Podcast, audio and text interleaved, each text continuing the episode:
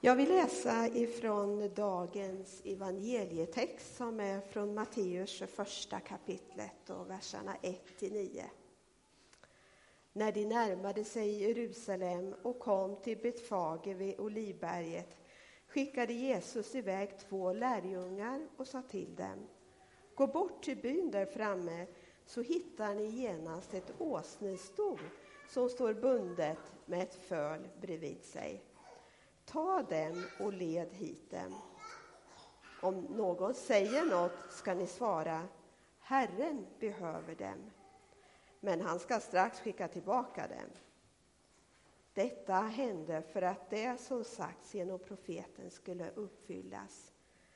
Säg till dotter Sion, se din konung kommer till dig, ödmjuk och ridande på en åsna och på ett föl, ett lastdjurs föl.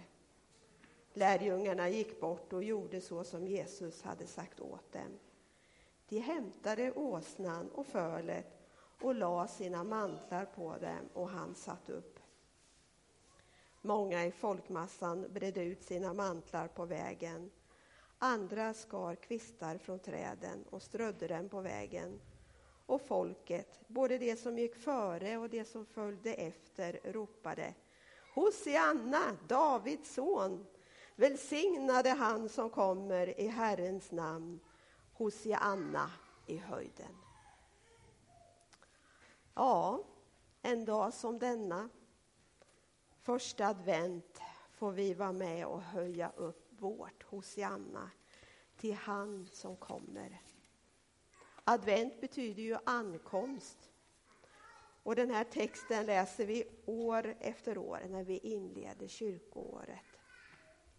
Det blir en inledning till julen då vi påminner oss om hans födelse i Betlehem som vi Birgitta läste här när de fick börja vandra. Men inte bara om Jesu födelse utan också om det uppdrag som Jesus kom för att göra för mänskligheten. Att kungen skulle komma på en åsna var förutsagt långt tidigare. Och det stod redan i Sakarjas bok, eh, ungefär 500 år innan Kristus föddes, så stod det Ropa ut din glädje, dotter Sion. Jubla, dotter Jerusalem. Se, din konung kommer till dig. Rättfärdig är han. Seger är honom given. I ringhet kommer han, ridande på en åsna, på en ung åsnehingst. Så det här var så sagt långt tidigare innan Jesus gjorde det här. Och att Jesus kom på en åsna kan vi se som att hans uppdrag var fredligt. Det var inte på en stridshäst som han kom. På liknande sätt men då ridande på en mula red kung Davids son Salomo när han skulle smörjas till kung. Det står så här i Första Kungaboken 1. Prästen Sadak, profeten Natan och Benaja, Jojadas son, gick därifrån tillsammans med keretierna och peletierna. De lät Salomo sitta upp på kungens mula och förde honom till Gishon. Prästen Sadok hade hämtat oljehornet från Herrens tält och smorde Salomo till kung. Hornstötarna skallade och folkmassan ropade Leve kung Salomo! Vid det tillfället, när Salomo skulle smörjas till kung, så gick översteprästen Sadak och profeten Natan med. När Jesus rid in i Jerusalem kan vi säga att Jesus han representerade alla dessa ämbeten. Han var både överstepräst, han var profet och han var kung. Jesus var Messias, Guds utvalde och smorde kung. Det människorna ropade här när de såg Jesus på åsnan var Hosianna, Davids son. Välsignade han som kommer i Herrens namn. Hosianna i höjden. Hosianna det är ett hebreiskt ord och det betyder ungefär rädda oss eller kom med hjälp. Och det här ropet det har blivit ett jubelrop till den som kan hjälpa. Och det är ju mycket som vi läser i Gamla testamentet som är förutsägelser om Jesus. Och vi kan eh, redan läsa i Saltaren 118 om att stenen som husbyggarna ratade har blivit en hörnsten. Detta är Herrens eget verk. Det står för våra ögon som ett under. Detta är dagen då Herren grep in. Låt oss jubla och vara glada. Herre, hjälp oss. Och här skulle vi kunna säga Hosianna. Herre, ge framgång. Välsigna den som kommer i Herrens namn. Vi välsignar er från Herrens hus. Herren är Gud, han gav oss ljus. Ordna er till procession med kvistar i händerna ända till altarets horn. Du är min Gud, jag vill tacka dig. Min Gud, jag vill höja ditt lov. Tacka Herren, ty han är god. Evigt varar hans nåd. Här var vi med redan då så sjöng ju israeliterna många gånger de här psalmerna. Och Herre hjälp oss, där som vi nu sjunger Hosianna. Och jag kan ju fråga mig om jag hade levt då, hur hade jag ställt mig till när Jesus kom där ridande? Hade jag förstått att han var Guds son, den smorde, Messias? Hade jag månntro mött honom förut och, och lärt känna honom på det sättet? Hade jag kunnat lyssna på honom och på hans förkunnelse, se hans under och tecken? Hade jag kunnat känna i min ande att han hade Guds ande? Ja, det är ju inte så lätt att veta. Anden var ännu inte given till alla. Nu när anden är given kan vi genom Guds ande i oss känna vad som är av Gud och vad som inte är det. Och vi sa att han kom ridande på en åsna. Det var ett fredligt uppdrag. Och Jesu uppdrag var att förkunna fred och ett nådens år från vår Gud. Och det finns en alternativ evangelietext till idag och det är när Jesus läste i Jesajas bok när han kom till synagogan i Nasaret i sin hemstad.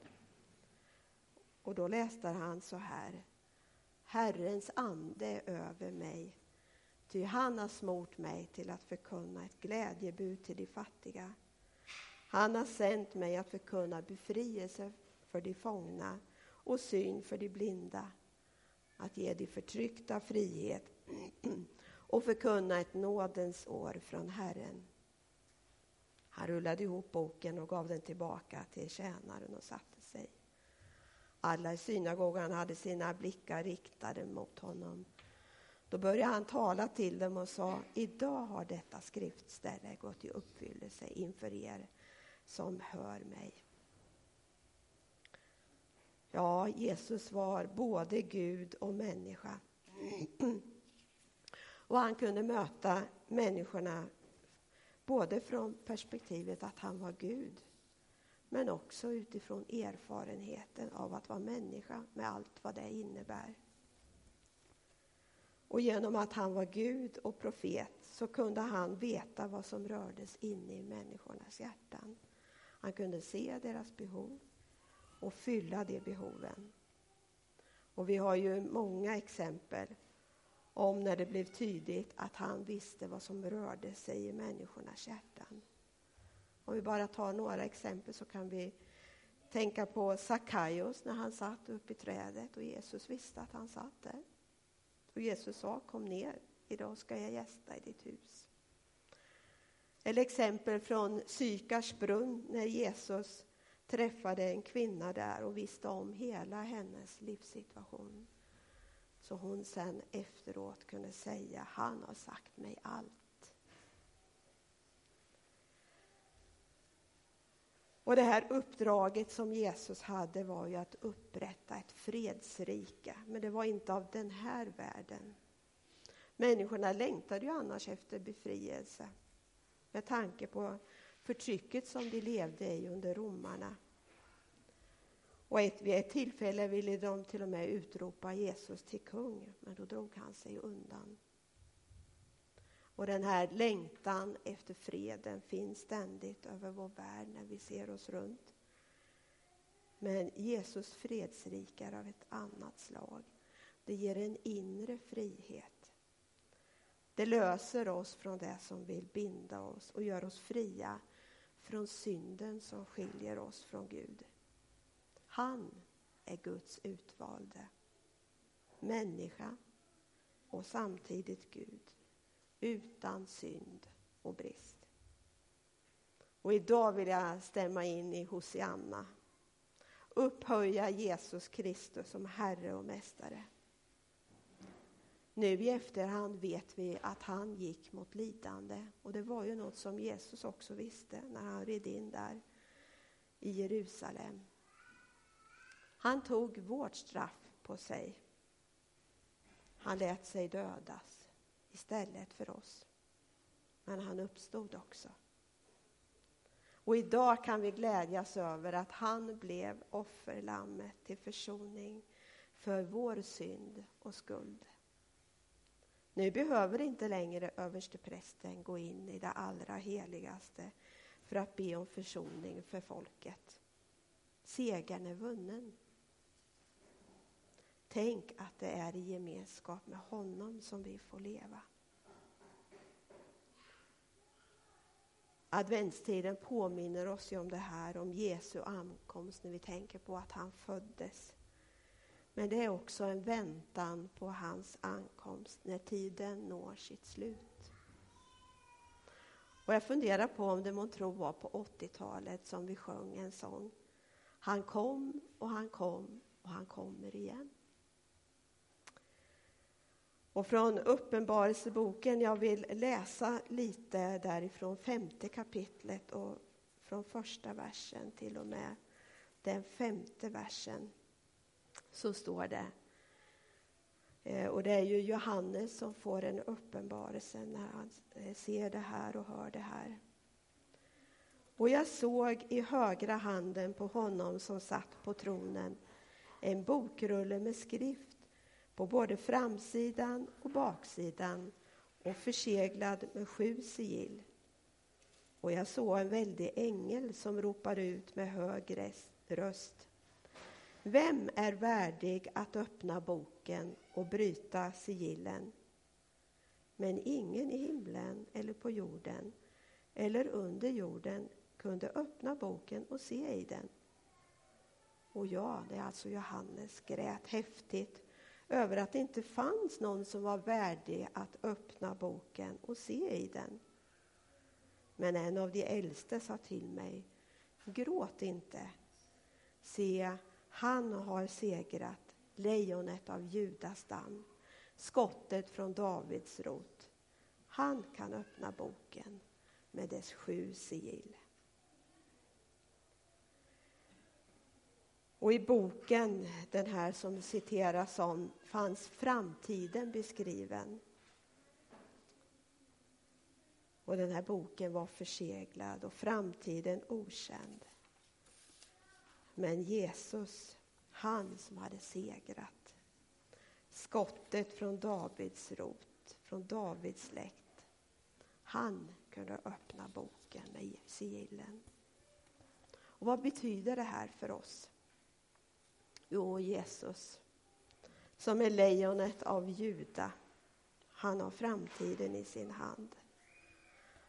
Han kan bryta sigillen och blicka in i framtiden. Han vet vad som händer och har kontrollen. Framtiden är oviss för oss, men inte för honom. Han som har makt att bryta sigillen, han har hela historien i sin hand.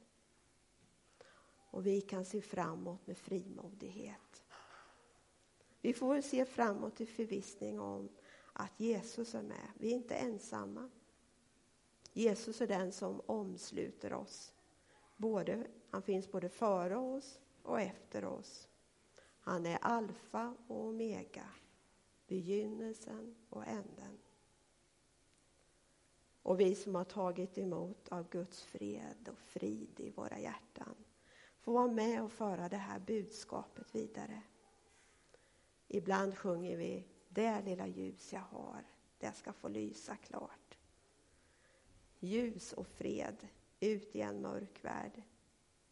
Vi lever i nådens år tack vare Jesu försoning. Och vi får vänta på det rike som han ska upprätta vid tidens slut. Och låt oss vara med i den väntan och säga som i Uppenbarelsebokens näst sista vers. Kom, Herre Jesus. Och jag hoppas att du som lyssnar också har fått uppleva att Jesus är din Herre. Att du har fått säga ja till honom, tagit emot honom i ditt hjärta. Och han vill inget hellre än att möta dig. Han som kommer med fred. Det är inte med splittring och söndring som han kommer, utan med helande och läkedom. Låt Jesus få komma in i ditt inre. Och när hans röst viskar till dig idag så viskar ditt ja till honom tillbaka. Den kärlek som han visade hela världen innefattar också en enormt stor kärlek till dig. Han vill sluta dig i sin famn.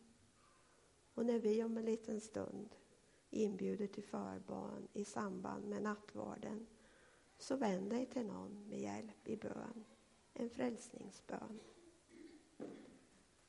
Och du kan få vara med i den bibeltext som vi alldeles strax ska läsa tillsammans. Och då kan du få låta det vara en bön om att Jesus, kungen, få komma in i ditt hjärta.